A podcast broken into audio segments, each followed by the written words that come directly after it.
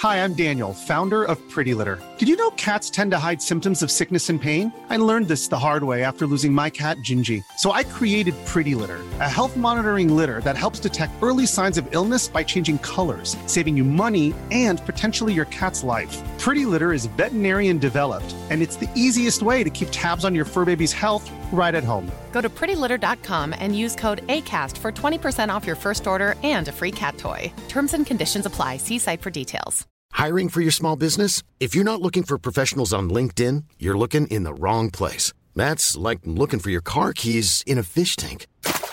LinkedIn helps you hire professionals you can't find anywhere else, even those who aren't actively searching for a new job but might be open to the perfect role. In a given month, over 70% of LinkedIn users don't even visit other leading job sites. So start looking in the right place. With LinkedIn, you can hire professionals like a professional. Post your free job on linkedin.com slash people today. Wow. Nice. Yeah. What you're hearing are the sounds of people everywhere putting on Bombas socks, underwear, and t-shirts made from absurdly soft materials that feel like plush clouds. Yeah, that plush. And the best part? For every item you purchase, Bombas donates another to someone facing homelessness. Bombas. Big comfort for everyone. Go to bombas.com slash ACAST and use code ACAST for 20% off your first purchase. That's bombas.com slash ACAST. Code ACAST. Hej och hjärtligt välkomna till Elbilsveckan. Och denna vecka så har vi tillbaka Fredrik Sandberg från tidningen Elbilen. Hallå hallå! Vad trevligt. Mannen med den raspiga rösten. Ja, det är tidigt på morgonen här grabbar. Dessutom.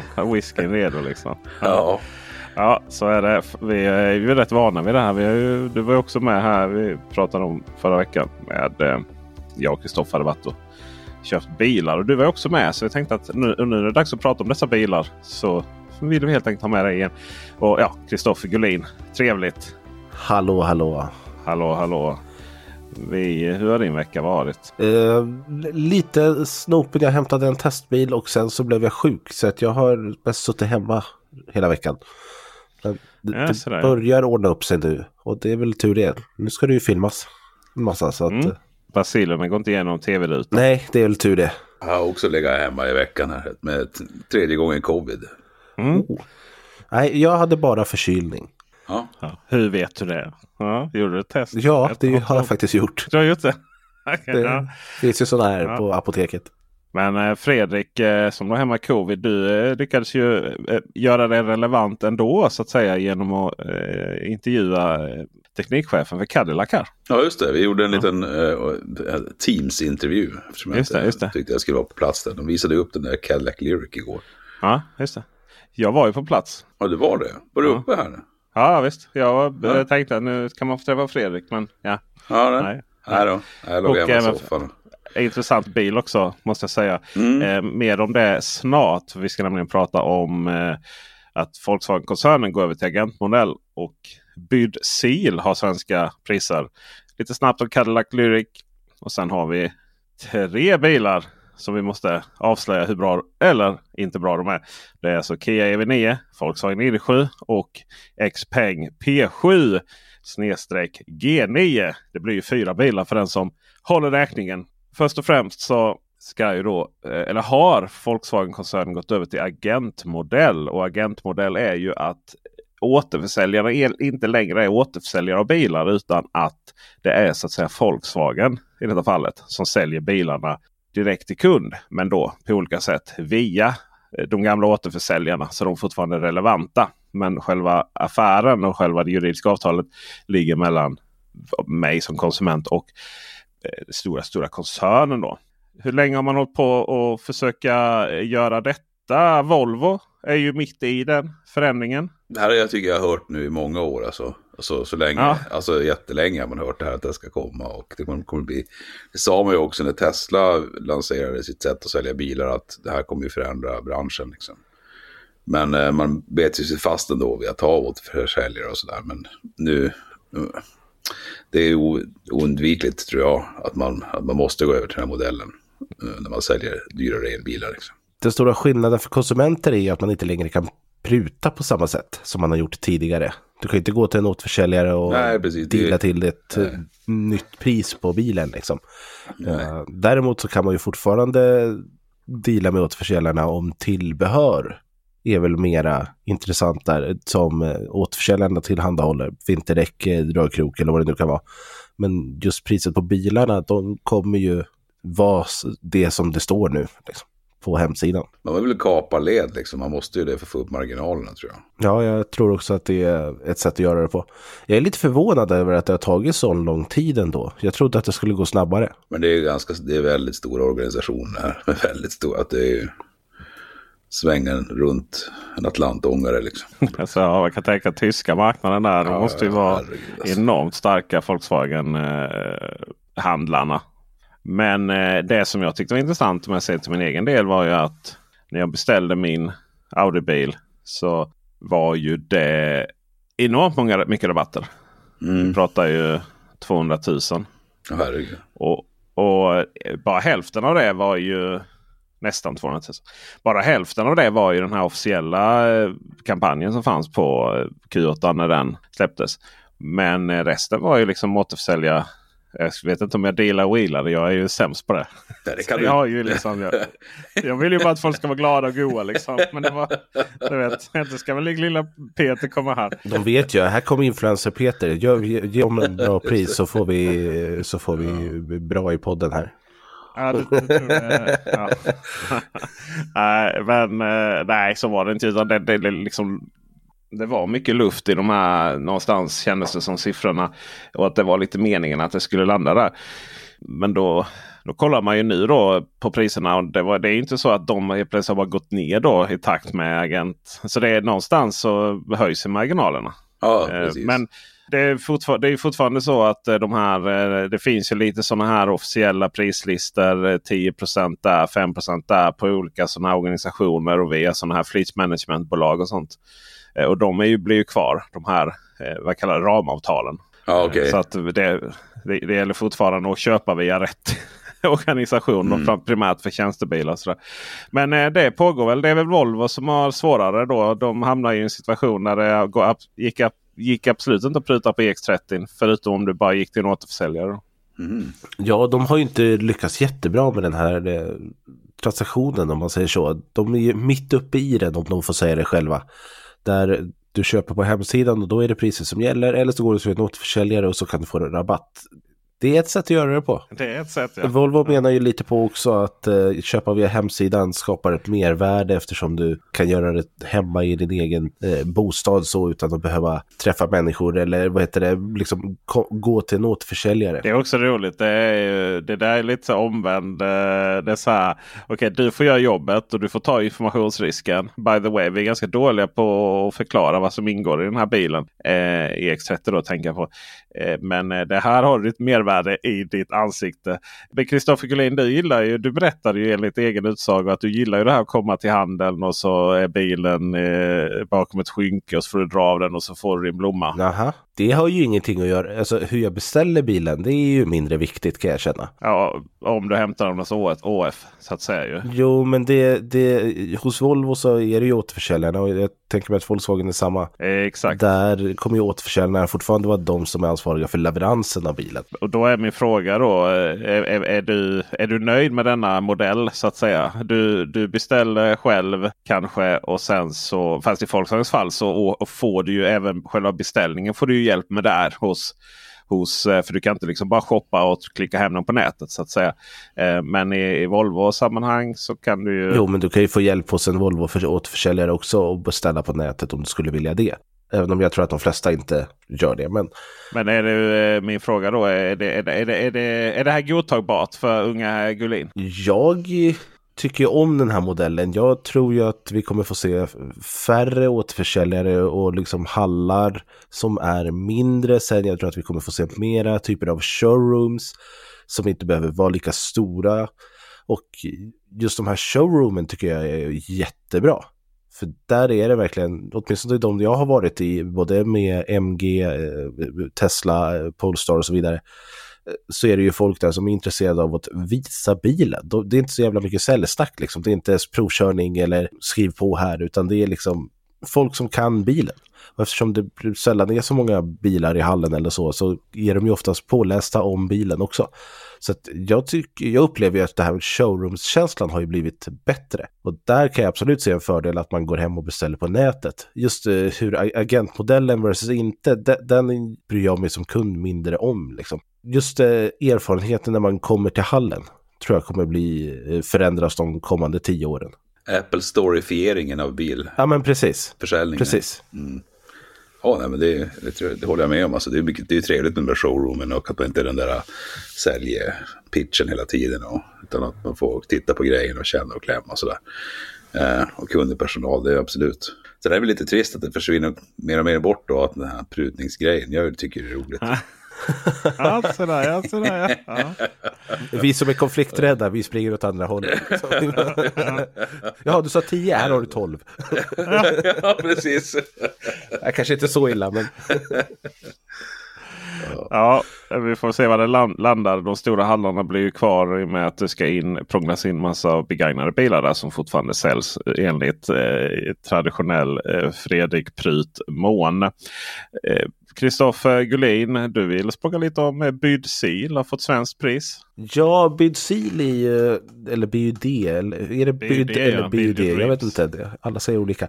Sil, det är ju den här nya sedanen som de kommer med. Och eh, vi fick ju svenska priser här i veckan. 559 900 kronor för en bakhjulsdriven sådan som är ganska välutrustad, eller ganska, den är väldigt mycket utrustad. Det är typ head-up display som saknas och sen som sagt det är den bakhjulsdriven istället för fyrhjulsdriven. Jag tycker det är spontant att det låter som en ganska bra deal. Det ser ut att vara eh, en fin bil när man tittar på bilderna. Har någon av er sett den i verkligheten? Nej. Ja. Och vad tycker vi? Ja. Ser den trevlig ut liksom? Eller är den? Så kanske man ska säga. Alltså det ser ut som uh, BUD. men, mm. jag såg den på mässa så, sagt, så snabbt i, på, i, ja, uh, i München. Och det var lite så här. Den där borde jag ju den där borde jag kolla mer på kanske. Men samtidigt fanns det annat som lockade mer. Liksom. Så att det var ju bara så här. Ja, nu finns den där och den, den måste jag förhålla mig till. Men inte så mycket mer än så. Den har ju en VLTP på 570 kilometer med ett 82,5 kilowattimmars eh, batteri. Och då är det ju Byds nya eh, Blade-teknologi eller vad de kallar det. Eh, det är ju LFP-batteri hela vägen.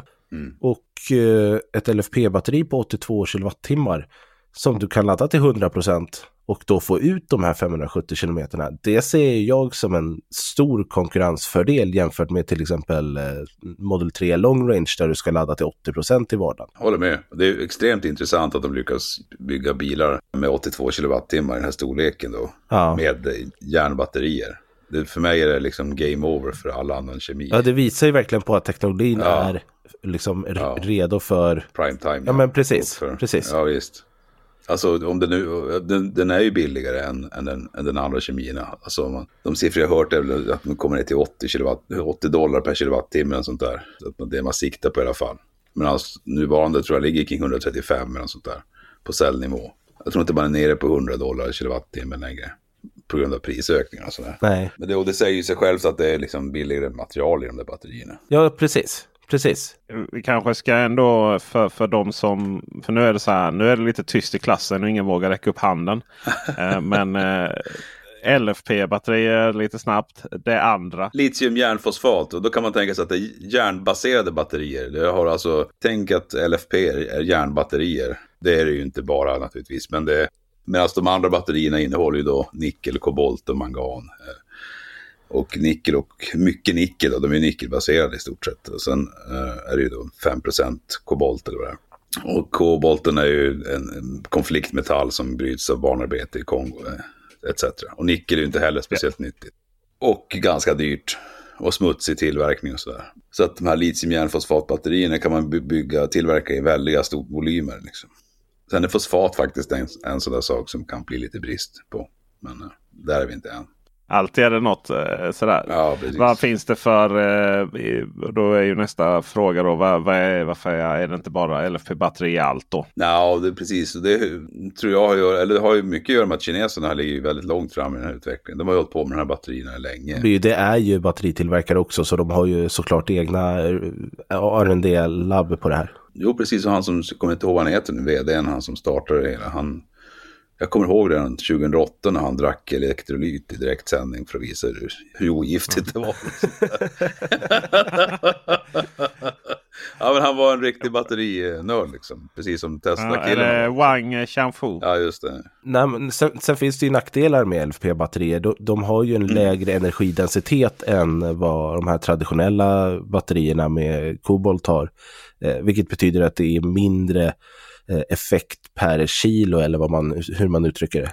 Mindre kilowattimmar per kilo kanske man säger.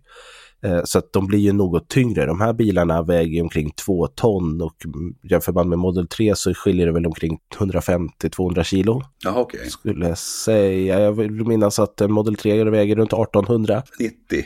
Den är ju precis nästan. Som jag, den, jag, den gamla i alla fall. Nu vet jag inte vad den väger nu.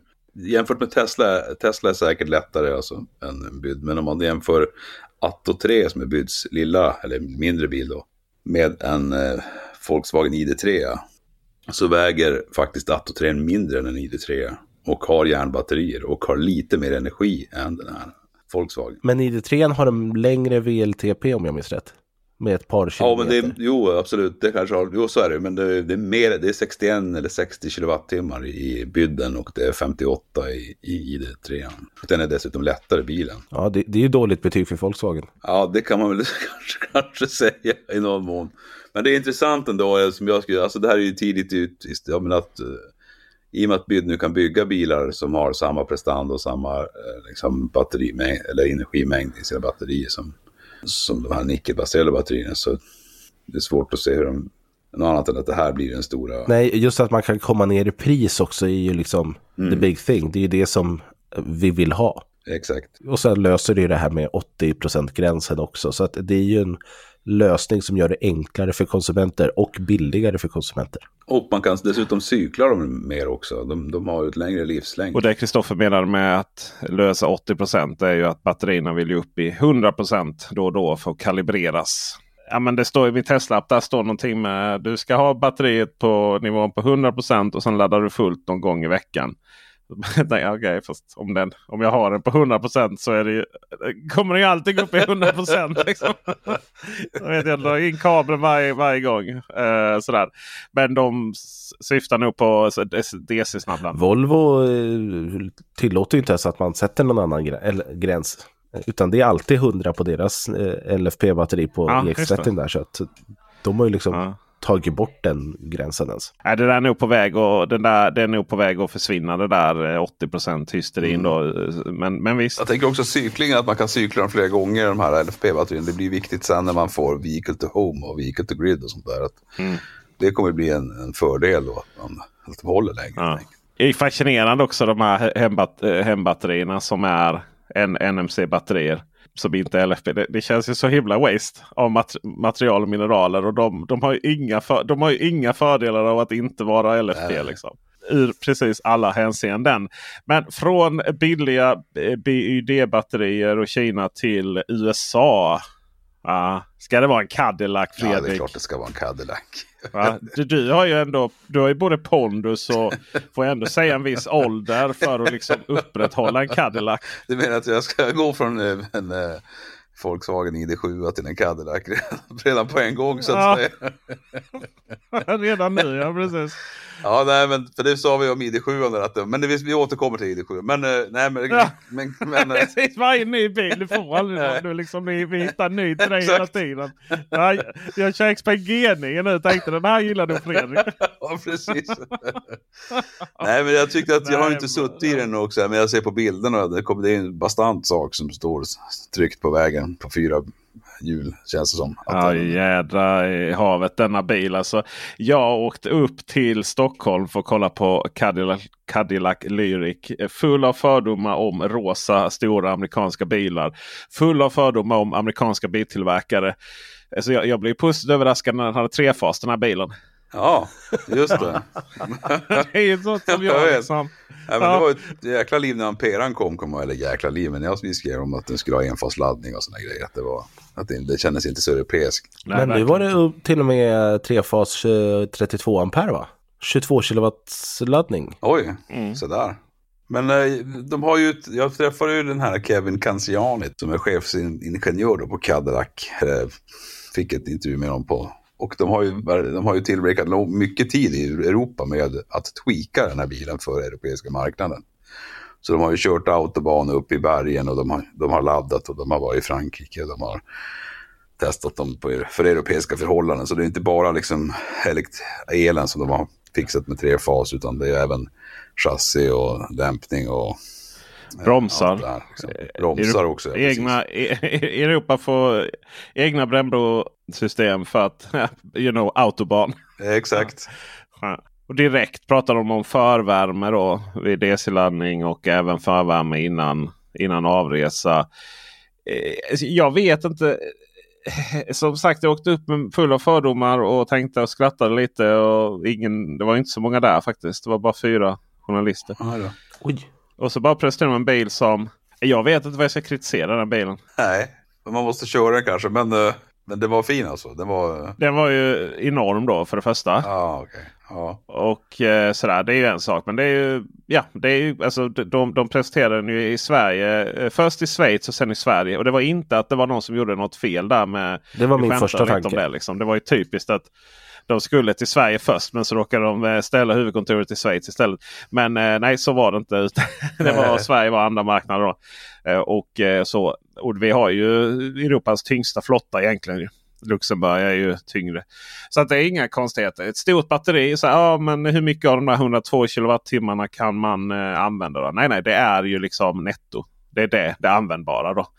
Jaha, okej. ja. um, Stor som var den. Interiört då sitter du ju bra där fram naturligtvis. Stor eh, skärm som i det närmsta. Det är 33-tums skärm. Eh, påminner lite om liksom vad den är ju väldigt lång eller avlång på sidan. Eh, Det är nästan som du tar en Mercedes Hyperscreen. Nej, det är ingen bra metafor. det. Det- Nej, Audi Q6 är nog bästa. Så typ BMW. BMW är också bra. Men eh, tänk dig det här svarta gränssnittet istället. Inga blommor och bin och fina färger som det är i BMW. Men eh, du har väldigt kurvad skärm så precis faktiskt som BMW. Och sen så tänker vi Google eh, system helt och hållet. Inklusive Play Store och allting. Det kändes Ja. bara, men oj, vänta amerikaner, ska inte ni typ liksom ha något gammalt trött system som får Nissan Ari att framstå som jätteavancerad? Tänkte jag liksom. Ja. Och så var det lite så här, ja men vad har ni för eh, eh, liksom volym då? Bagagevolym.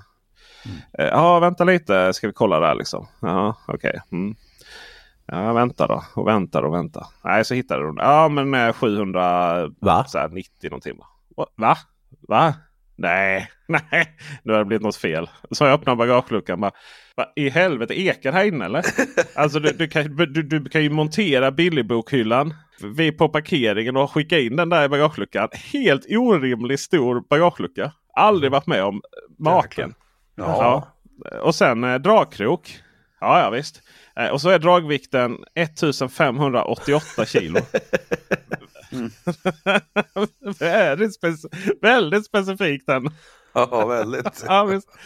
Eh, och så skrattar vi lite åt det då. Och så, ja, de, det är ju direkt översättning från den amerikanska. De har ju sina, ni vet, Mm. pounds va. Så eh, det där var ju... Nej, det var ju magiskt häftigt bil. Och sen så, men då var det ju det här priset då. För då hade vi suttit och skrattat lite, jag och Gullin och Kristoffer Rask då. Över att den kommer kosta 20 000 i månaden privatleasing. Ja, just det. Var det inte 15? Sen bara Jo. sänkte de priset. Ja, 16. Eller? Nej, jag visade upp webbsidan där och de bara va? Oj! Nej, det här, så här ska det inte vara. Eh, I efterhand så tror jag någon har lagt in priset inklusive momset, inklusive momspriset i exklusive momsrutan. Och så har den räknat på momsen på det. Eller någonting. Nej, den kostar strax över 16 000 i månaden privatleasing. Det är mycket pengar naturligtvis. Men om vi, eh, när jag fick kontantpriset så trodde jag inte mina ögon. Jag tänkte så här, shit de här galningarna de kommer ju dra ut den för 1,2 mille. Liksom. Det är så här klassisk 1,2 mille bil. Eh, fyrhjulsdriven, all, den är ju grund, grund, all utrustning från början och sånt där. Eh, men 900, strax över 900 000. Och det är ju mycket pengar naturligtvis. Men vi pratar ju alltså en, en bil som är så mycket mer modern än mycket av vad tyskarna erbjuder för min, mycket mer pengar. Det, kollar jag på hemsidan här nu så står det från 15 262 kronor i månaden.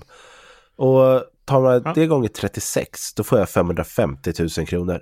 Då har jag betalat ganska mycket av bilen på tre år och sen får, ger jag bara bort den. Om du privatleasar ja. Eh, operationell leasing. Det är inklusive försäkring också. Ja, förvisso, men eh, säkert. det känns ju som en rätt dålig... Privatleasing, eh, det, det, har ju, det är ju verkligen eh, det är ju verkligen en bil som du finansierar själv för 900 000. Det får man ju säga. Märkligt att de frontar Ja. privatleasingpriserna och inte kontantpriset på hemsidan. Ja, det är konstigt. För kontantpriset var ju vettigt, eller vettigt, men det kändes ju rimligt. Ja, precis. Det, det skulle ju locka mer. Exakt.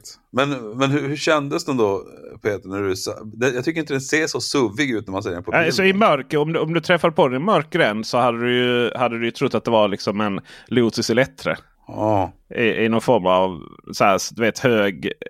eh, Man ser den på bild så ser, det är det är så himla svårt att få en uppfattning om när, när du ser på en bild hur den liksom hur stor den är och så. Jag tänkte att det här var någon sedan. eh, Bara jag såg snabbt liksom i periferin i, på bild.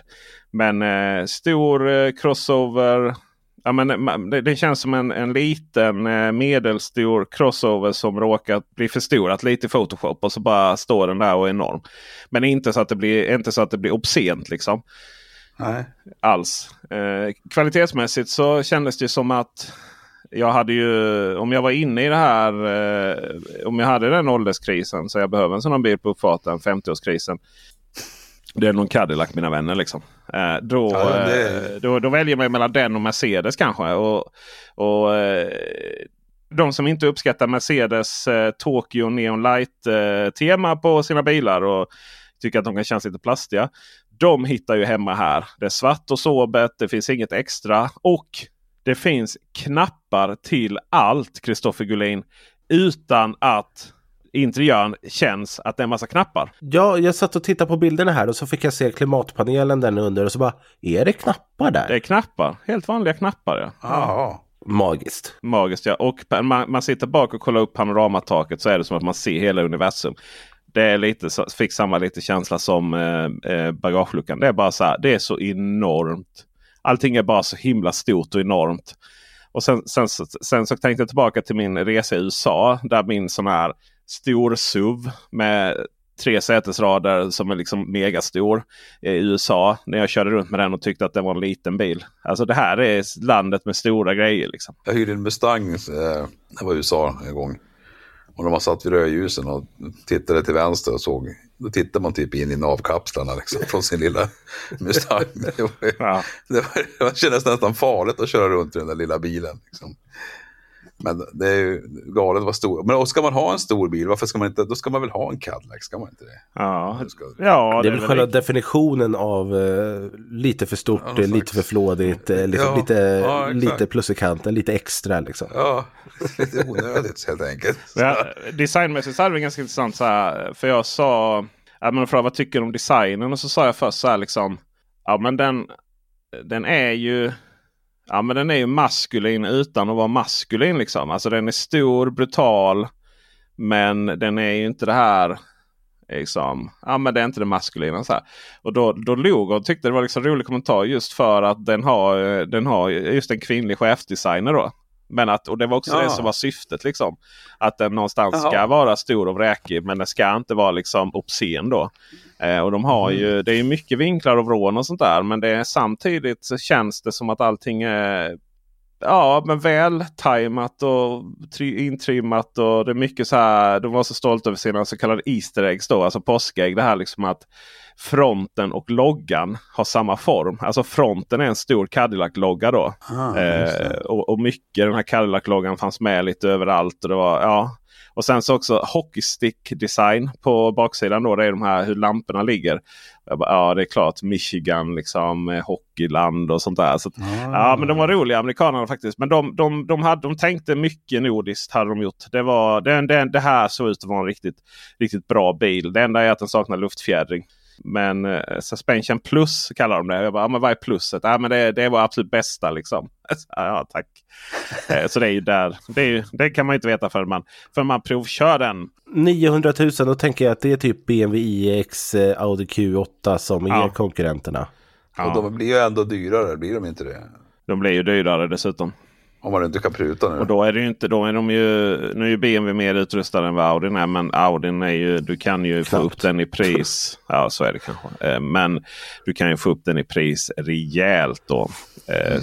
eh, Här är det liksom fullutrustat och klart. Ja, det inte kan exakt detaljerna men i, i princip så, så är det ju så.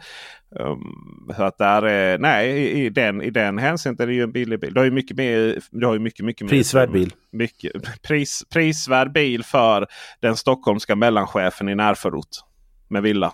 Det, det kan vi ju. Kan vi ju Och stor uppfart. och st- stor, stor uppfart, ja precis. Och för oss 50-årskrisande män. Jaha, där har vi den. Där har vi den. Eh, nu ska vi se här. Eh, vi ska ju jämföra med övriga bilar här nu som är kanske. Jag, jag kallar ju en av dem vi ska prata om här strax för en korpulent bil för korpulenta gubbar. Det är lite spännande vilken det är av dem. Men efter reklampausen här för er som har reklam så har vi lite diskussion om Kia EV9, Volkswagen ID7 och Xpeng P7 och G9. Hi, I'm Daniel, founder of Pretty Litter. Did you know cats tend to hide symptoms of sickness and pain? I learned this the hard way after losing my cat, Gingy. So I created Pretty Litter, a health monitoring litter that helps detect early signs of illness by changing colors, saving you money and potentially your cat's life. Pretty Litter is veterinarian developed, and it's the easiest way to keep tabs on your fur baby's health right at home. Go to prettylitter.com and use code ACAST for 20% off your first order and a free cat toy. Terms and conditions apply. See site for details. I'm Sandra, and I'm just the professional your small business was looking for. But you didn't hire me because you didn't use LinkedIn jobs. LinkedIn has professionals you can't find anywhere else, including those who aren't actively looking for a new job but might be open to the perfect role, like me. In a given month, over 70% of LinkedIn users don't visit other leading job sites. So if you're not looking on LinkedIn, you'll miss out on great candidates like Sandra. Start hiring professionals like a professional. Post your free job on linkedin.com/people today. Wow. Nice. Yeah. What you're hearing are the sounds of people everywhere putting on Bombas socks, underwear, and t-shirts made from absurdly soft materials that feel like plush clouds. Yeah, that plush. And the best part? For every item you purchase, Bombas donates another to someone facing homelessness. Bombas. Big comfort for everyone. Go to bombas.com slash ACAST and use code ACAST for 20% off your first purchase. That's bombas.com slash ACAST. Code ACAST.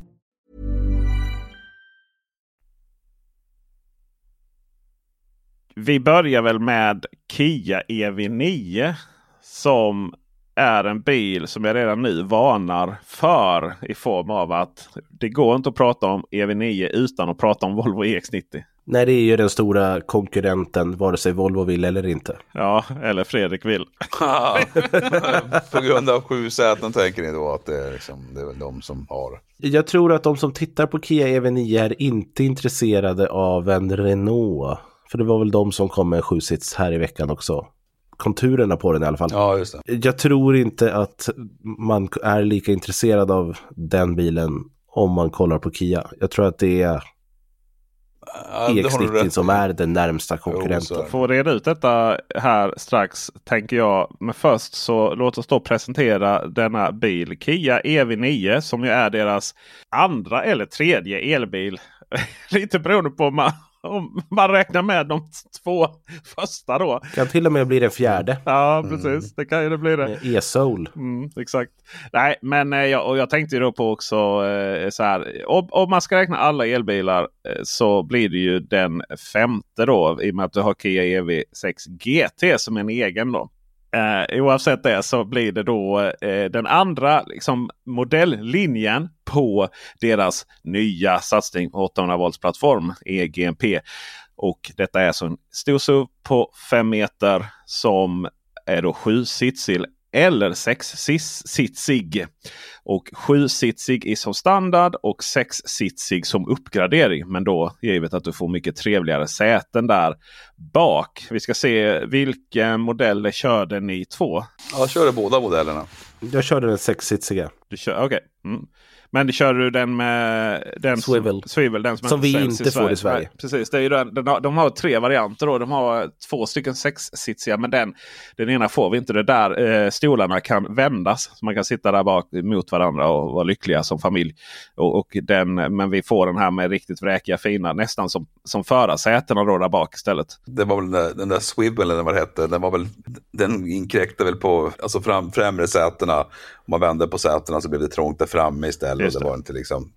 Ja, det, var, det kändes rimligt att inte ta in den modellen. Ja. Det känns mer, lite mer som en kul gimmick. Liksom, Ja, precis. Än som Ja, faktiskt exakt. någonting användbart. Ja, men i vissa länder liksom. Den, eh, vi får bara en modell i Sverige, fyrhjulsdrivna. GT Line-modellen. Jag råkade säga GT. Det är ju inte samma sak. Jag fattar inte varför biltillverkarna alltid har R och sen har de R-design och sen har de GT och sen en GT Line. Eh, Väldigt förvirrande. Eh, men men den, den är blå. Ofta. Och den här Kia EV, EV9 det var bara blåa. En grå fanns också. Jag tycker ju att den röda är vacker. Eh, Och, ja, Många i Facebookgruppen verkar ha beställt grön. Det grön. tyckte jag var läckert. Ja, så där, ja. Ja, det gillar jag också. Svårt att, det är svårt, vad ska man säga, det är svårt att argumentera mot Kia på något sätt. Det är ju en mycket framgångsrik biltillverkare i Sverige. Jag tycker att de har hittat väldigt rätt här i, i sin, alltså om man tänker sig att man behöver sjusits bil. Alltså att man, eh, det är både bra plats där bak och eh, bilen känns rimlig på alla sätt. Den är varken för, för snabb eller för långsam eller för, ja, alltså tekniken är ju det här 800 volt systemet med laddningen och alltihop. Jag tror att de, och den verkar också rätt energisnål. Den går att köra energisnålt i alla fall. Och Ja. de är ju duktiga på Kia, så jag tror att man får en ganska bra räckvidd även om man lastar fullt där. Jag vet inte, det var mitt intryck i alla fall. En rejäl, en bra bil. Det är nog svårt att bli besviken på den bilen. Är min Ja. känsla. Eh, Det gäller att liksom kalibrera sina förväntningar. Jag kände att det är väldigt mycket Kia. Det, det, det är varken mer eller mindre interiörsmässigt än Mm. Kia. Nej, man känner verkligen igen sig. Ja, ja, så är det. Men då är nästa, det stora stridsäpplet där på kvällen sen efter körningen var väl om det här verkligen är tillräckligt premium för att kunna konkurrera med, med Volvo då. Och ständigt detta premiumsnack, vad är premium? Men jag tror att många kommer välja Volvo istället för att den kommer upplevas mer premium. Lite mer Orrefors helt enkelt. Ja, alltså, jag har suttit i EX90. Eh, och jag upplever också bilen som mer, jag skulle säga att EX90 är en premiumbil. Medan EV9 är mer en, inte i premiumklassen, men det är i övre mellansegmentet om man säger så. Precis, men vad är då premium? För när du kör den här EV9 så var ju fjädringen var skön, det var bra chassi, det var liksom bra känsla i alltihop. Och den var väldigt tyst i motorvägshastighet. Jag blev Ja, förvånad. det var ju o, Ja, det var orimligt det var det. tyst. Det är väl- det är orimligt tyst. Ja, orimligt, eller hur? Alltså, det tycker jag Ja. till och med Mercedes EQE SUV eh, bullrar mer liksom, på liknande Ja. väg, som jag kommer ihåg i alla fall. Så att eh, där har de ju lyckats otroligt bra. Och uh, var det inte premium om just, just den aspekten? Det är, man kan ju säga att plastknapparna på sidan eh, för att styra säten, eh, vad heter det, ventilation och alltså sätens ventilation och värme. De var väldigt plastiga. Det var inte så premium. Nej, det är ju... Ja, jag tänker fit and finish är ju det som man verkligen får känslan av här. Volvo har ju jobbat väldigt mycket med skandinavisk eh, eh, design i form av metall och tyger och väldigt avskalat. Kias bil upplevde jag inte särskilt mycket som avskalad på det viset. Nej, Eh, det var flera olika materialval på här och där och eh, lite mer rörig. Det här är ju faktiskt om, om man så, i en annan värld där det någonstans fanns massvis med sjusitsiga elbilar. Och eh, i den storleken också. Jag menar, kommer vår lokala Mercedes-lyssnare här och säger att ja, Mercedes har hur många sjusitsiga bilar som helst. Men någonstans får vi liksom definiera den stora klassen också. Och att till och med jag kan sitta på tredje storsraden i de här bilarna. Men i, i, en, i en sån värld så hade ju inte Volvo EX90. Det, det är ju knappt samma klass av bil. Vi har ju så motoreffekten till exempel. Det På Volvon är ju så otroligt mycket högre då. mm. Det händer ju en hel del mer när vi ska gasa upp i 100 km h. Där kan jag ju säga eh, skiljer sig sekunder. Och sen interiörsmässigt som ni säger, Volvon har ju en, en, har ju en liksom skandinavisk avskalad design full av vackra element, detaljer. Kian är så himla mycket Kia och liksom, ja, här har ni en inredning. Eh, skärmmässigt så är ju Kian är ju lite smålångsam. De har Mm. inga appar att tala om. Jo, en. Amazon Music va?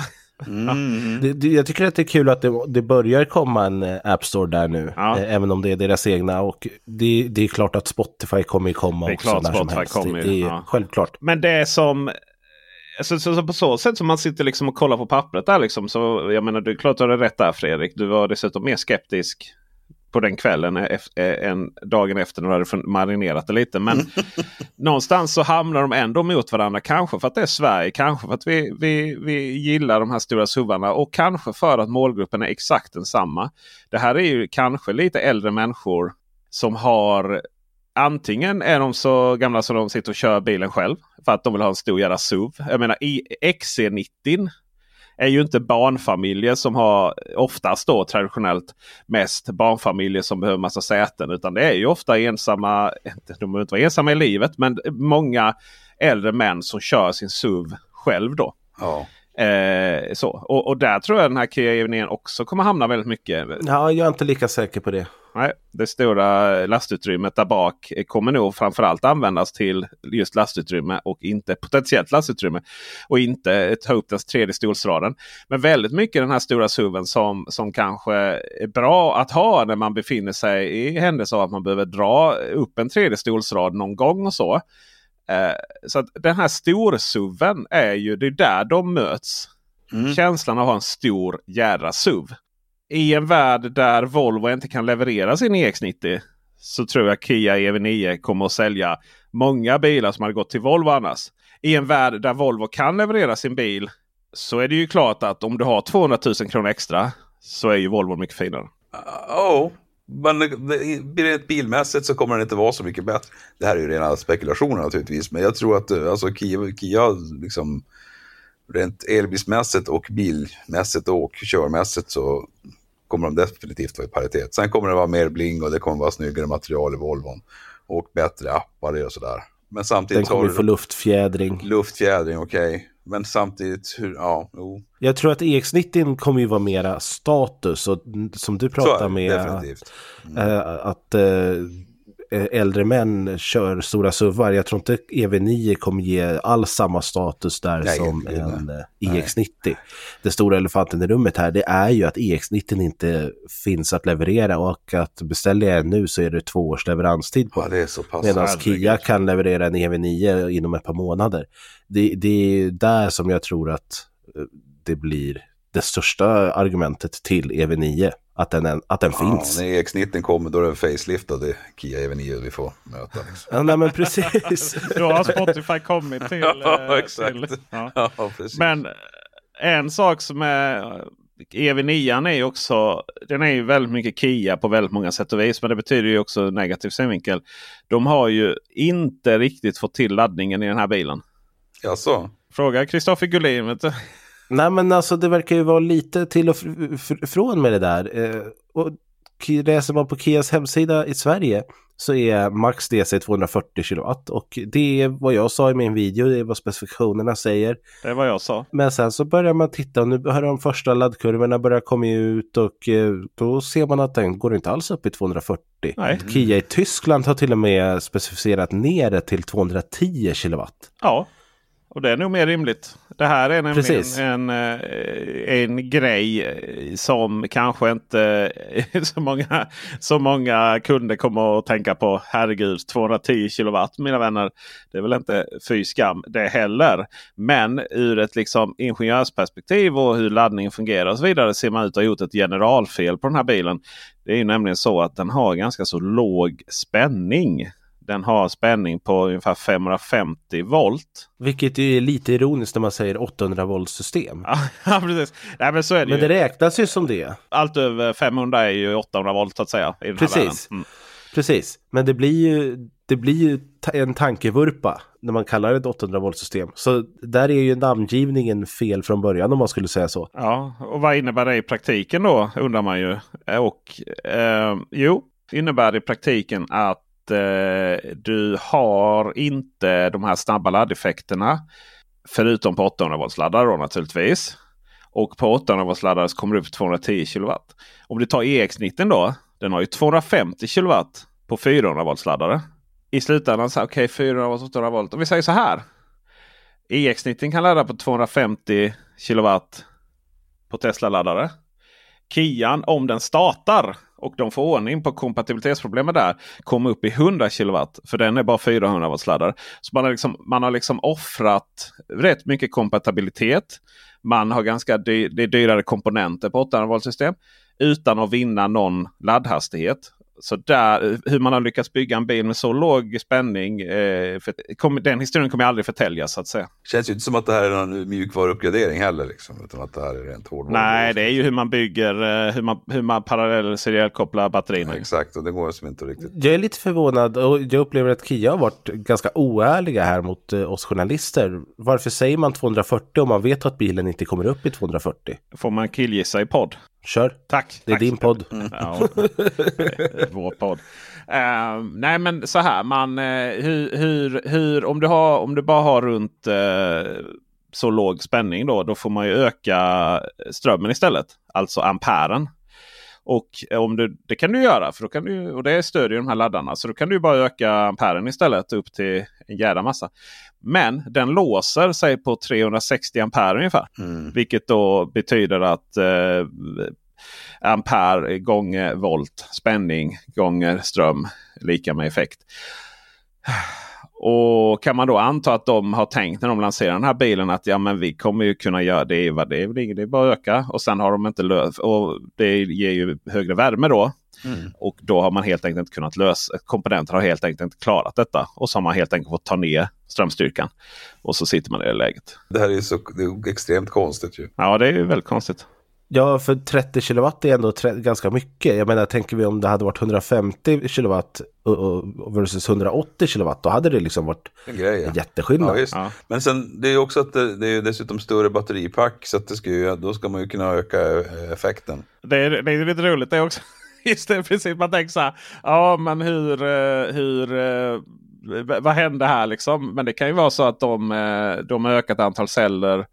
Och, och så, för det, ofta bygger de ju det här. De här plattformarna ligger liksom. Ja men okej, men vi har liksom två moduler och sen så. Du, nu, är det bara, nu är det bara räkneexempel här. Eh, jag har ingen aning hur den här bilen är byggd. Men så har du två moduler och så är det byggt och passar jättebra i EV6. Då. Sen ska man upp det ytterligare en storlek då um, till EV9, större bil, större batteri. Och så, men då, ja men alltså du kan inte ha tre moduler, det får inte plats. Då hade batteriet blivit jättestort. Ja men då får vi, då, då bara klipper vi av halva liksom. Och så, och ja, så, så som de kopplas och så, så helt plötsligt så och då har måste de andra anpassa sig efter det. Ja, just det. det låter som en Ja, väldigt så- rimlig killgissning. Men, men, men ja.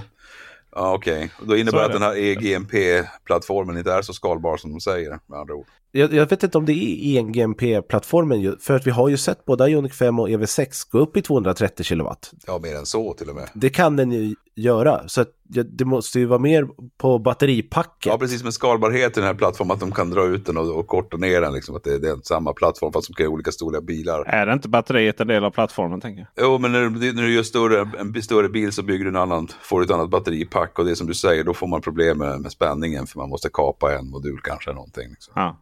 Ja, vi får väl också, den andra frågetecknet är också hur de har löst då, eh, spänningsomvandlingen. Då, om man då hamnar på en 400 volts, 400 volts laddare. Och, och det, är, det är inte bara, jag har fått lite data ibland från branscherna. Det är inte bara Tesla-laddare det krånglar på. Det är bara att det krånglar extra mycket på Tesla-laddare. Utan eh, om man, det är, hamnar en 400 volts laddare då så är det inte helt orimligt att den inte kopplar upp bilen. Det blir liksom handskakningen. Bara nej, jag vet Vem är du? Kia? Jag fattar inte liksom. Och så kopplar den ner och så provar man igen och så funkar det. och sådär. Så att det är Kia har svårt. Uh, de har valt ett 800 volt system. De var väldigt tidiga med det och det ställer till kompatibilitetsproblem. De har inte samma typ av spänningsomvandlare som exempelvis Audi och Porsche och så. Och där den helt enkelt bara, den bara tar det och så löser den sig. Men utan Kian har lite abrovinker där som, som gör att laddstolparna får lite bekymmer. Och det är tråkigt att de inte har löst det. Vi lyckades inte ladda bilen på Tesla eh, överhuvudtaget. Det låter som att vi tre har någonting att testa när vi väl får bilarna här i Sverige. Ja, det ska bli kul alltså. Väldigt kul. Och uh, spännande att testa däremot den faceliftades ändå mot DX90 ändå. ja, nej, det där är, to tokigt, mycket tokigt. Vi går vidare till eh, från eh, Saint-Tropez till Marseille. Då. Eh, och eh, där vi provkörde dessa bilar har vi pratat om innan. Och Volkswagen ID7. Även där så var väl frågan vad vi hade för förväntningar där. Eh, Gullin, vad, vad var förväntningarna på ID7 egentligen? Mina förväntningar var väldigt höga. Oj, oj, oj. Eh, Jag tycker att eh, ID-serien har varit ganska dålig eh, så här långt och att den har sålt bara för att det har varit en Folkvagn-logga i fronten på bilarna. Hade de stått för sig själva hade de inte sålt bra alls. Med ID7 så känns det ju verkligen som att de har gjort det här omtaget som verkligen behövdes. Kvaliteten är bättre, mjukvaran är bättre, in- Förväntningar. allt är på Förväntningar. Ja, Okej, förlåt. Det- Detta visste du ju inte. Du Nej, spoilar nej, det här. nej, nej, absolut. Okej. Förstör jag allt det här? Ja, förlåt, förlåt. Jag hade höga förväntningar.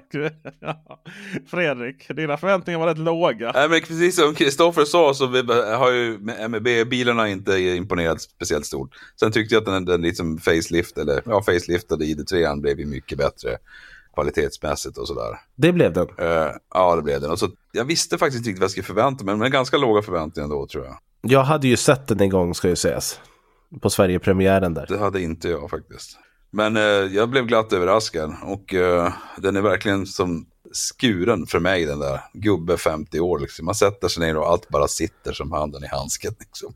Man behöver inte ens ställa Ja. in stolen eller justera ratten. Det är, liksom, det är formgjuten för en medelålders man liksom. Med lite kagge. Är det inte- det? Ja. Riktig Ja. sedan-kryssare alltså. Jäklar. Ja, verkligen. Ja, ja. Vad, vad hade du för förväntningar då Peter? Så har vi gått varvet runt. Ja, men i och med att jag hade suttit i den också så visste jag ju att det var den här. Jag såg ju framför mig en baksätesbil då för det var så himla mycket utrymme. Den är ju, den är ju fem meter lång. Den har ju tre meter mellan hjulbasen. Den är, det är ju Volkswagens stora fördel att deras, de har ju väldigt lång hjulbas relativt till bilens storlek. Och, och någonstans så hade jag ju förväntat mig ja, men, en stor bil. Den såg, såg ut som en tråkig tvålkopp. Den vita liksom. Det, det var den jag hade sett. Och det, var ju, det hade ju ingen design överhuvudtaget. Liksom. Som får, till, framstod till och med Model Y som spännande.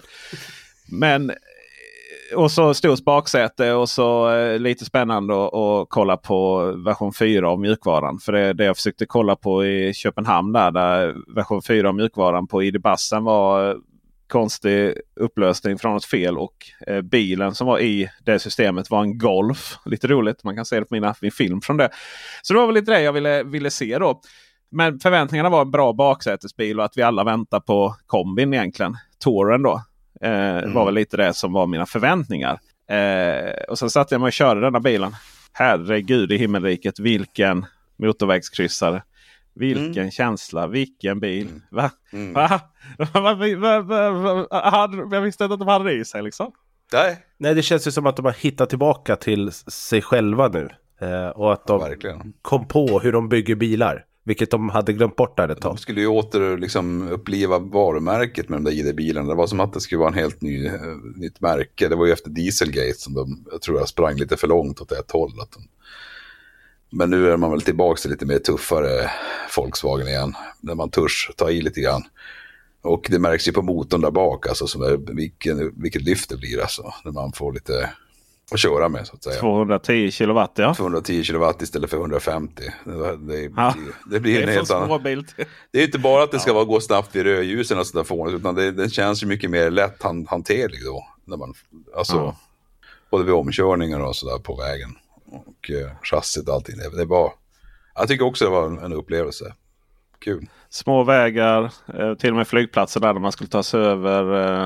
Eh, eh, ta över sig lite gupp och så vidare. Och sen när man kom upp i de här 130 på motorvägen. Man, bara, ah, nice. Så det var väl. eh, Och sen så var det ju också visade sig att eh, om man slapp den vita kulören också så ser de ju helt okej ut. Ja, absolut. Jag tycker det är inget fel. Och sen det här med att man ska vänta på kombin. Den är ju snygg. Jag tycker kombi blir aldrig snyggt. Alltså, jag är ju ingen stort kombi-fan ska jag säga. Men, eh, Oj, svär i kyrkan här. ja, jag vet. Men jag, och jag, jag, är lite, jag tror inte riktigt heller på att Sverige, svenskarna är så där kombitokiga längre som vi var förut. Liksom. Jag är inte säker Ja, det behövs ju inte heller tänker jag. För att Nej. den är stor. eh, Det är ju, som sedan så hade den varit helt ointressant. Som alla sedaner. tänker. Ja, du menar Men alltså som- med, som med, med lucka, alltså. Men ja, precis. Lite Men- en brevinkast. Då. Ja, Men, exakt. eh, nej, du får ju, det är ju jättemycket plats där. Och sådär. 580 liter tror jag man öppnar den där halvkombiluckan. Liksom. Ja, 535 var- vill jag säga att det var. 545 på kombiversionen. För vi fick ju faktiskt titta på kombiversionen. De har ju släppt bilder på den. Och den stod ju där eh, vid lunchen så att vi fick eh, klämma på den. På utsidan i alla fall. Vi fick inte öppna den, jag försökte. Eh, och även fönstren var täckta så att vi inte kunde se in. Så att vi, vi såg inte så mycket mer än just konturen. Men Det är också roligt för den kommer väl se exakt likadan ut. Ja, antagligen. Men jag, jag, ville ju, jag stod ju där med min lasermätare som jag har med mig alltid. eh, exakt, och ville ja. mäta kombin, kombin där, men det fick jag inte. Nej, men jag tror som dig Fredrik att vi, vi är så alla inriktade på den här eh, bilen. Men eh, kombin. Men att vi, vi journalister vi tänker hur Sverige, Sverige fungerar. Men ja, Volvo om några vet ju att, att det där är en svikande marknad. Och eh, jag tror att ingen, eh, ingen behöver vara besviken utrymmesmässigt när det kommer till ID7ans storlek eh, där bak idag. Eh, baksätet är ju fortsatt gigantiskt och framsätet känns bra. Men så hade vi ju det här med systemet. va? Volkswagens ID-system är så bespottat med all rätt. Ja, Och jag kände mig nästan lite dum när jag gjorde en video där jag kände att fasen. Jag gillar ju inte nödvändigtvis formen och hur det ser ut och sånt. För att jag gillar ju liksom lite mer, ska vi kalla det, lite mer stilrent, lite mindre färger, lite, lite mer karta kata i botten och eh, sådär. Alltså lite mer Tesla då, lite mer Nio, Chopin, lite mer Volvo. Men eh, fasen till och med jag uppskattade ju det här systemet. Och så känner man lite, oj, börjar jag bli lite Volkswagen-biased här nu helt plötsligt. Mm. Och sen kommer jag tillbaka och så visar det sig att ni uppskattar också systemet. Mm.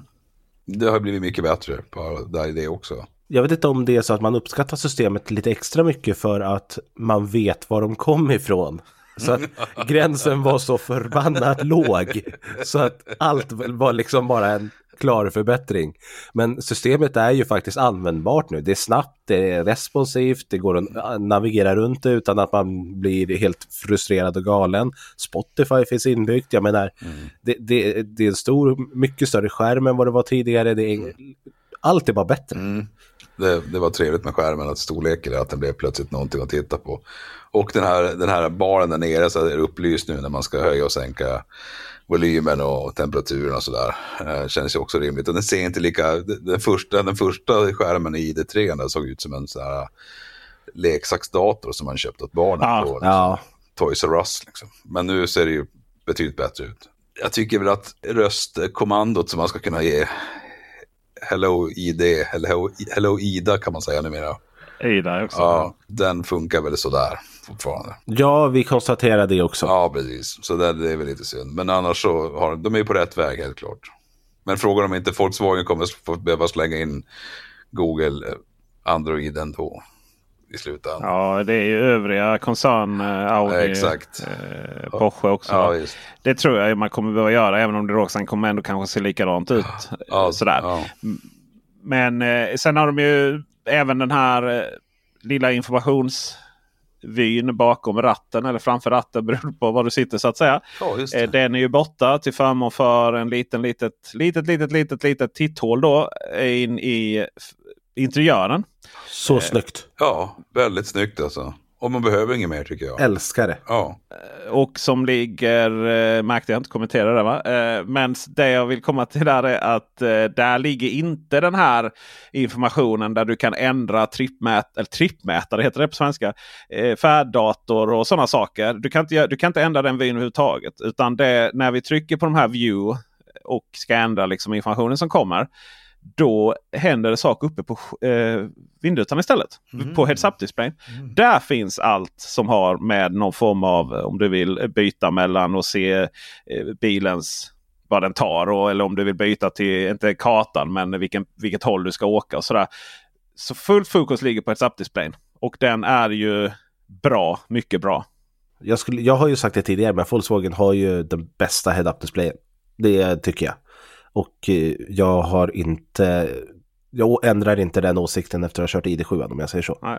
AR, eh, vari- eller AR, Augmented Reality, är ju ett jävla buzzword. Men det de menar är ju att det kommer lite pilar och så och visar vad du ska köra. Och de, till skillnad mot tidigare bilar, tycker jag är väldigt relevanta nu. Det är väldigt sådär, oh, nu ska du liksom ligga, nu ska du köra höger här på den här filen. Nu ska du korsa den här linjen över dit och så. Eh, jag, till och med jag som gärna vill ha en karta då framför ratten. Jag, jag, kunde, jag, kunde, jag kunde använda den här bilen samtidigt som eh, den som var passagerare satt och joxade lite i systemet. Just det. Eh, Och det, eh, det är gott betyg för mig. det jag håller med, den, den, den är bra men det är inte Mercedes. Eh, det, som är, det känns som en eh, grafiskt underverk när man tittar på de här. Man väntar sig bara att Ja, jag- jag börssiffrorna att ska komma längst ner. Liksom, så här. Nej men kartan var väl sådär, det var väl ganska enkelt skulle jag säga i den här head-up-displayen. Fast det- dugligt. Och, eh, Alltså, ja, jag tycker att Mercedes är att ta i med sin karta. Jag tycker att det blir bara som ett Spindelväv. or, oh, ja, ormbo, spindelnät. Precis. ja, det. Det blir, Ja, det är för mycket där. Det som är med Mercedes är ju att det går ju att konfigurera in absurdum. Men du slutar ändå alltid med standard standardvarianten. där. Det som eh, en annan sak på tal om Mercedes som är ju trevligt nu eh, med Volkswagen. Det är ju att den inf bilen informerar ju om förväntad laddeffekt baserat på då temperaturen på batteriet. Så att under laddning där och så gå in under förvärme så ser du där att ja, nej, eh, jag kommer bara ladda 50 kW för att du är ute och kör i kylan. Din jädra nordbor. Men om eh, du börjar förvärma här nu så kommer vi kunna ta upp den här effekten. Och det är bara Volkswagen och Mercedes som visar det. Så vitt jag vet. Som jag har kört då. Snyggt. Väldigt konsumentvänligt. Ja. Mycket. Klockrent. Till och med nästan EU-krav på den eh, faktiskt. Ja. Förväntansdiskrepansen. Ja, det, det är Eh, det är klart att igenom. bilarna ska visa. Ja. Så ja, men eh, fasen det var en jävla hyllning här till Volkswagen ID7. Och bara för att eh, det hade ju, de hade ju, de, en sak är ju det här att den här bilen är ju inte fullutrustad för sitt grundpris. Det kan man inte säga. Den har ju, är väldigt lågspesad. Ja, det tycker jag är en stark överdrift att säga. I princip pinnstolar får du sitta på. Eh, tänker jag. Eh, för 665 000. Eh, skit jag håller inte parad med. eh, Kristoffer Men ratten ingår i alla fall. Ratten ingår möjligtvis. Eh, och ska du, då upp i, eh, ska du då upp i allt som är nice med bil då så kommer den ju upp i betydligt högre pris. Höll jag på att säga här. Jag håller ju absolut inte med. Jag, jag, ja. Vart är du på väg? Jag är på väg till att säga att eh, detta har Volkswagen tänkt på.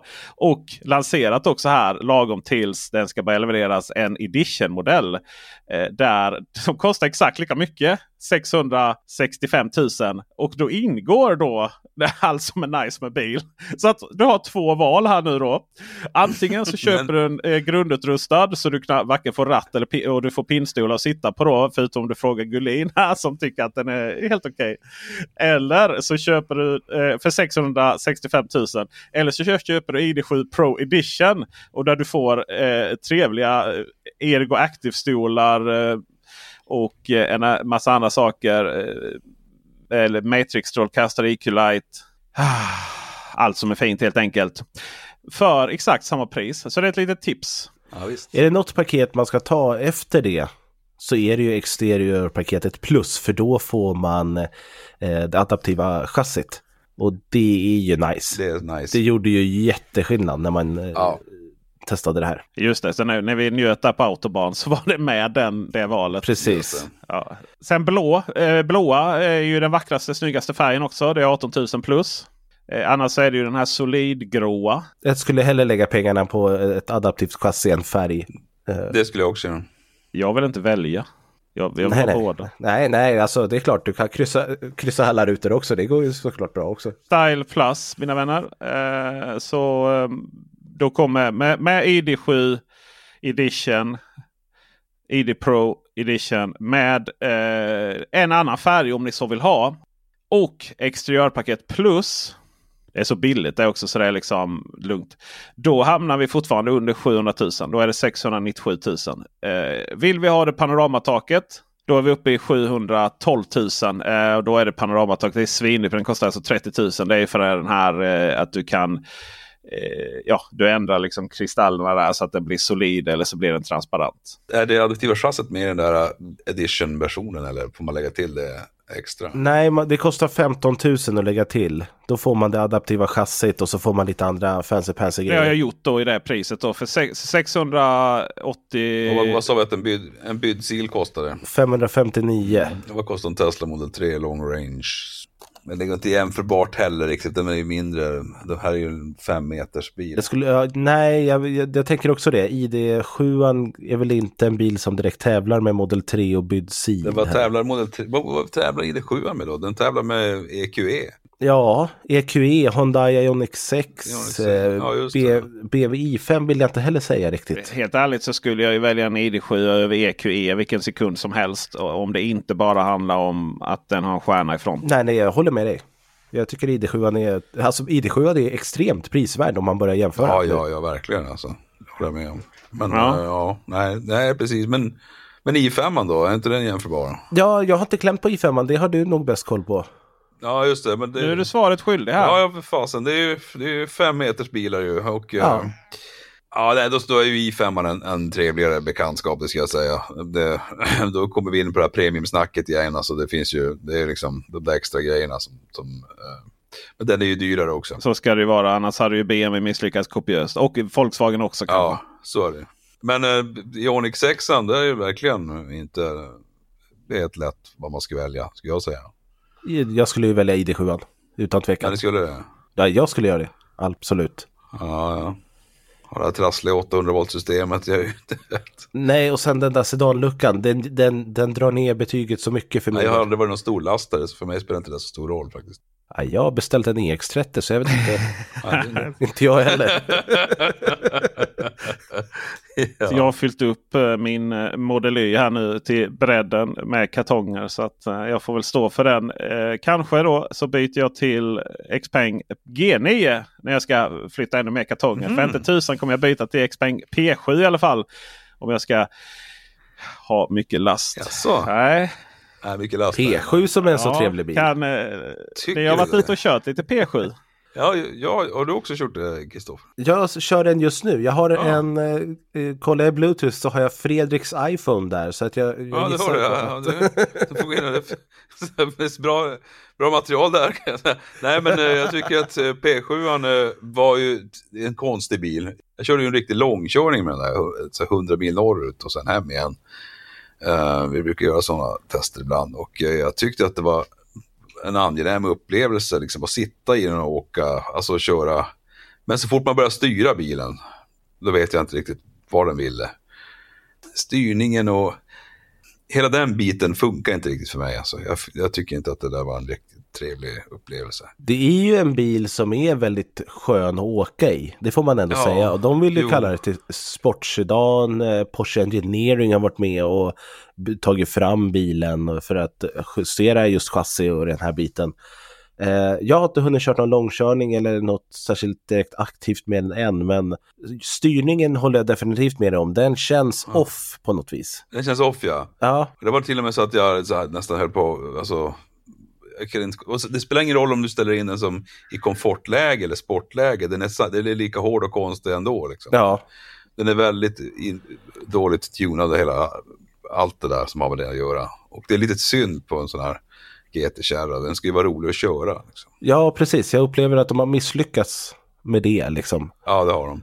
Och sen så tyckte jag att man, alltså den här mittkonsolen är ju så stor och bred så min manspread som jag vill ha misslyckades ju fullständigt. Alltså. Ja, och det finns ju liksom ingen direkt anledning till att den ska vara nej, så stor. Nej, fattar För det finns inget utrymme där. Nej, nej. Så att jag förstår inte riktigt.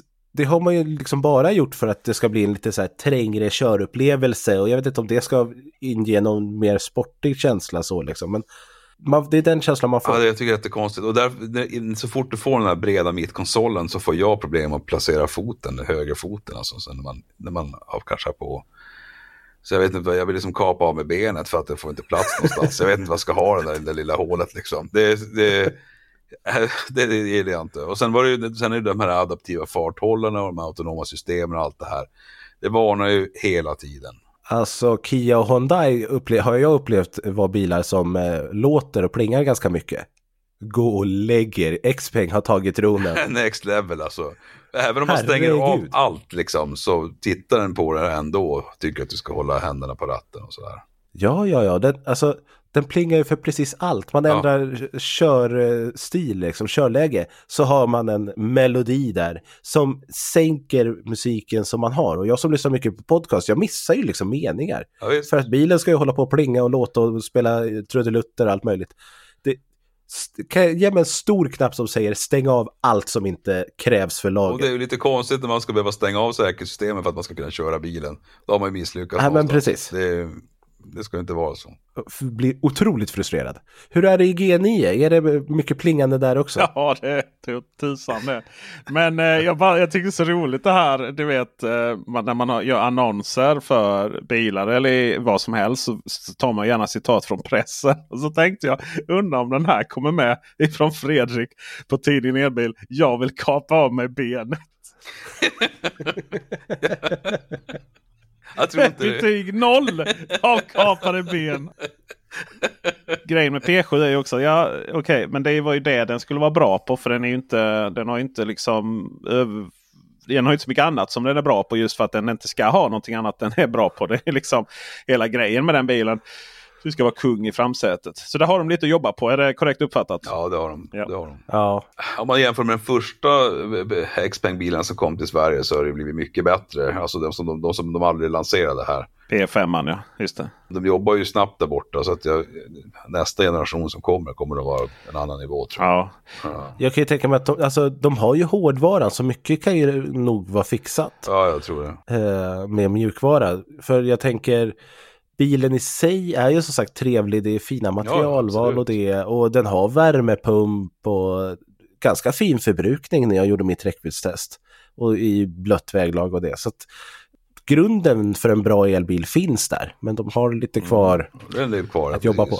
På tal om eh, räckviddstest och effektivitet. Vad tror ni en Xpeng G9 drar i 120 på motorväg i regn? Jag vet för du skickade en bild igår. Fredrik får inte svara. 24. ja, vi, eh, jag hör ju här att vi är inte enats om hur vi definierar eh, eh, vad heter det, förbrukning här. Men, Med tanke på att alla bilar räknar per 100 kilometer så... Vilket är ju fel då. Men om vi räknar fel så är det 28 då. Om man räknar rätt så är det 2,8 per mil. Då. Om vi räknar rätt så är det 2,8. Ja, precis. Dra åt eh, Fandes. Jag har aldrig behövt liksom stanna. Det var länge sedan jag behövde stanna två gånger mellan Stockholm och Malmö av andra anledningen att köpa kaffe. 2,8 verkligen. 2,8 ja precis. Helt plötsligt vart ju Audi E-tron liksom värsta snåldieseln. här, Ja, liksom. det var 9 grader ute. Och eh, 120, 110 blandad körning. Det kan vara så att den, eh, jag börjar fundera om det är så att den bromsar sig själv. För att eh, den här bilen är, Xpeng GN är en jättetrevlig bil att köra på motorväg och köra i stan. Jag har tänkt så här, vilken taxibil. Den har, ju, den har ju någon form av progressiv styrning som gör att du kan bara, det räcker med att du tittar på ratten så drar du en U-sväng. Liksom. Och eh, den är eh, bra att köra. Den är bra kalibrerad. Sätter du i spotläge så tvärbromsar du bara genom att tänka att du ska bromsa. Medan som du har i normalläge eller eko så, så är det där snyggt kalibrerat. Har du e Detta är ekoläge för övrigt som jag kör i. Ska sägas. I, eh, så att det var ingen fyrhjulsdrift på den permanent eh, på motorväg. Och, eh, utan det var ekoläge. Och där händer det knappt någonting när man trycker på gasen. Vilket är korrekt. Det ska du inte göra i ekoläge. Det ska vara tröttaste Nej. bilen som finns. Eh, så att där har de fått till bra tycker jag. Du, eh, det, den större, det här är ju en bil du ofta är två i. Kanske mer. Sådär. Jag vet inte, en, en P7 i alla fall. Eller ännu fler.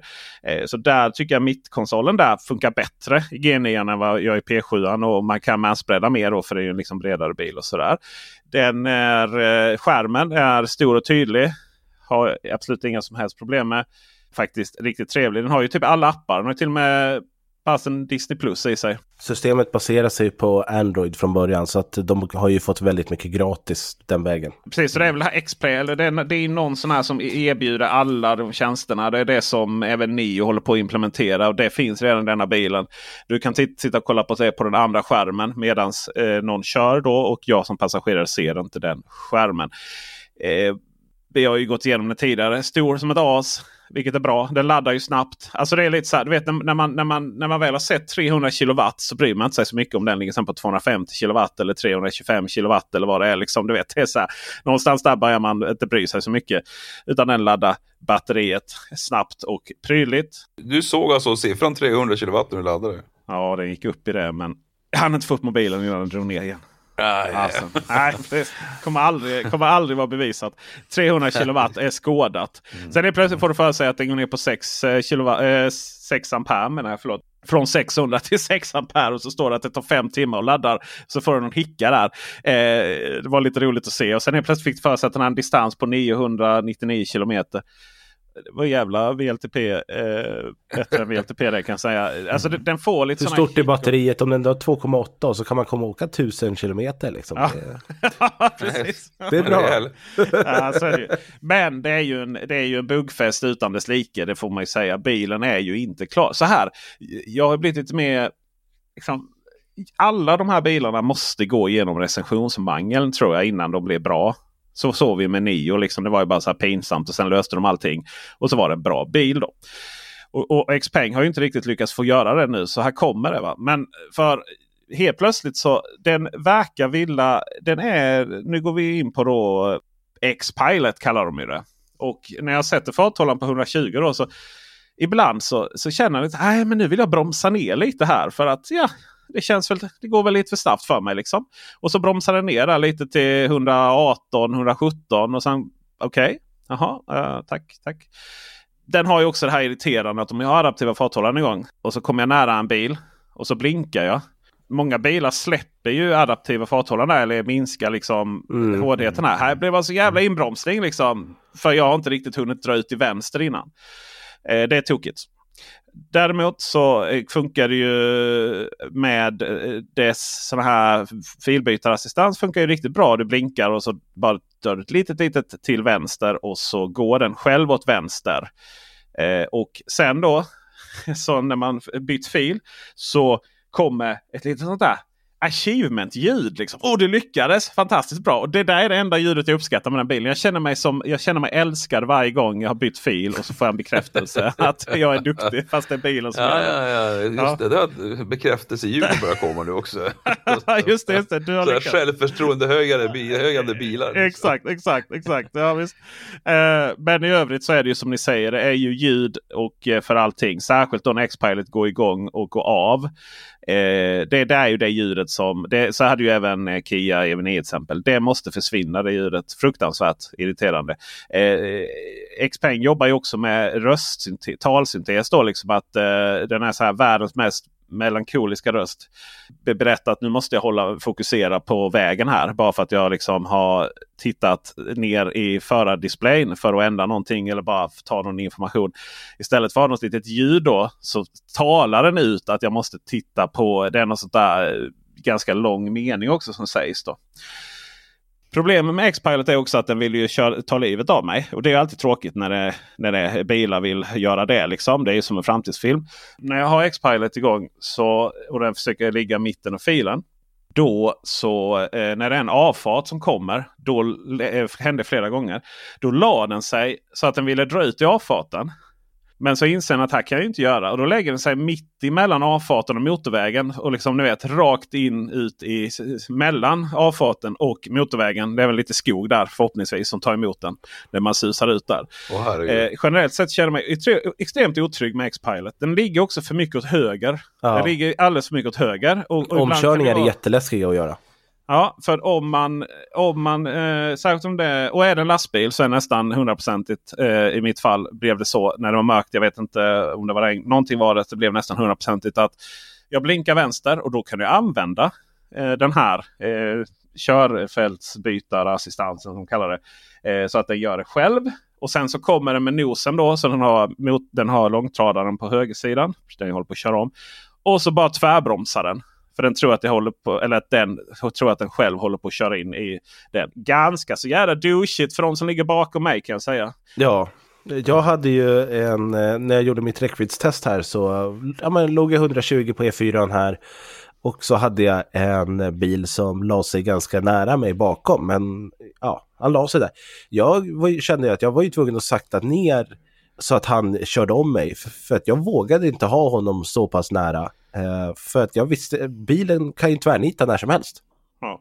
Jag hade en sån riktig spökbromsning också. Den bara drog liksom bromsen i, i rakt ner i mattan. En rakt motorväg. Då låg ingen bakom mig. Nej, och det är bara en tidsfråga innan alla de här bilarna som spökbromsar.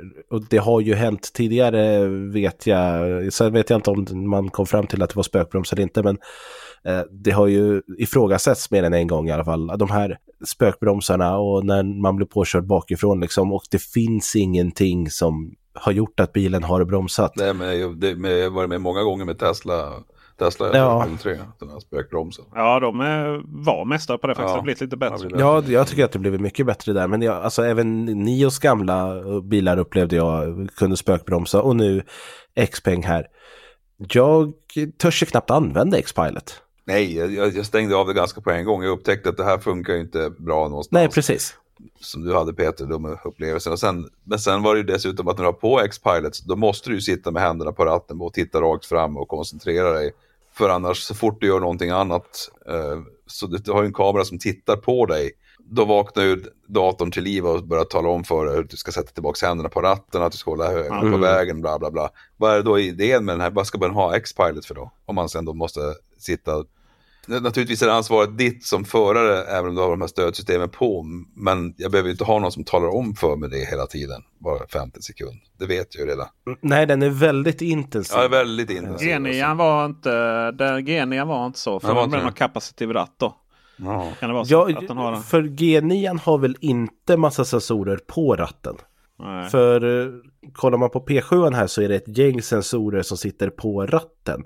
Så nu, nu när jag kollade, eh, satt och redigerade räckviddstest här och så kollade med kameran, då, då är det ju värsta diskokulan på ratten här Ja, för att det, det är typ sex sensorer som håller på och blinkar. Det ser man ju inte på riktigt, men eh, i kameran där känns det att det känns som att P7 har en annan typ av eh, övervakning. G, G9, utöver de här eh, problemen så är ju inte riktigt mjukvaran är lite felöversatt och lite tokig. Men framförallt går klockan i GPSen den går på sommartid. Så att det står att jag är, en tim, jag är framme en timme senare än vad, än vad jag skulle vara. Eh, det är För lite- Skåne är inte det eh, lite utomlands. det är lite som- Han får ställa om klockan när man åker ut i Skåne. Fel tidszon där. Eh, och lite så här konstiga översättningar. Men, men generellt sett så eh, G9 är eh, en bra bil, en trevlig bil, en prisvärd bil. Och får man bara ordning på det här sista här nu, bara gör en mangling till av den mjukvaran. Kalibrera liksom eh, kanske då mer efter svenska förhållanden. Eller vad det är nu som gör att uppvisa de här tokigheterna eh, i X-Pilot. Så, så eh, GDN kommer leverera på det den har lovat. Eller som det jag tror vi recensenter har lovat. Eh, jättetrevlig bil att köra på alla sätt och vis. Bortsett då från det precis vi har tagit upp då. Eh, och så drar den något så frenetiskt. Eh, så. Men det är en stor bil. Så är det. Och så regnar det. Eh, alltså 2,8. Eh, det är nog ingen standardvärde på det. Jag återkommer när jag kört i mindre, mindre Ja, ja. väderkaos. Mm. Eh, Och eh, där, mina vänner, är vi klara med denna podd. Tack så mycket eh, Fredrik Sandberg, tidningen E-bil, för att du var med. Fyller 10 år i år va? Firar ni på Ecar Expo i Göteborg? Ja, vi kommer fira på Ecar Expo. Håll öronen öppna, det kommer bli en kul grej där i monten. Spännande.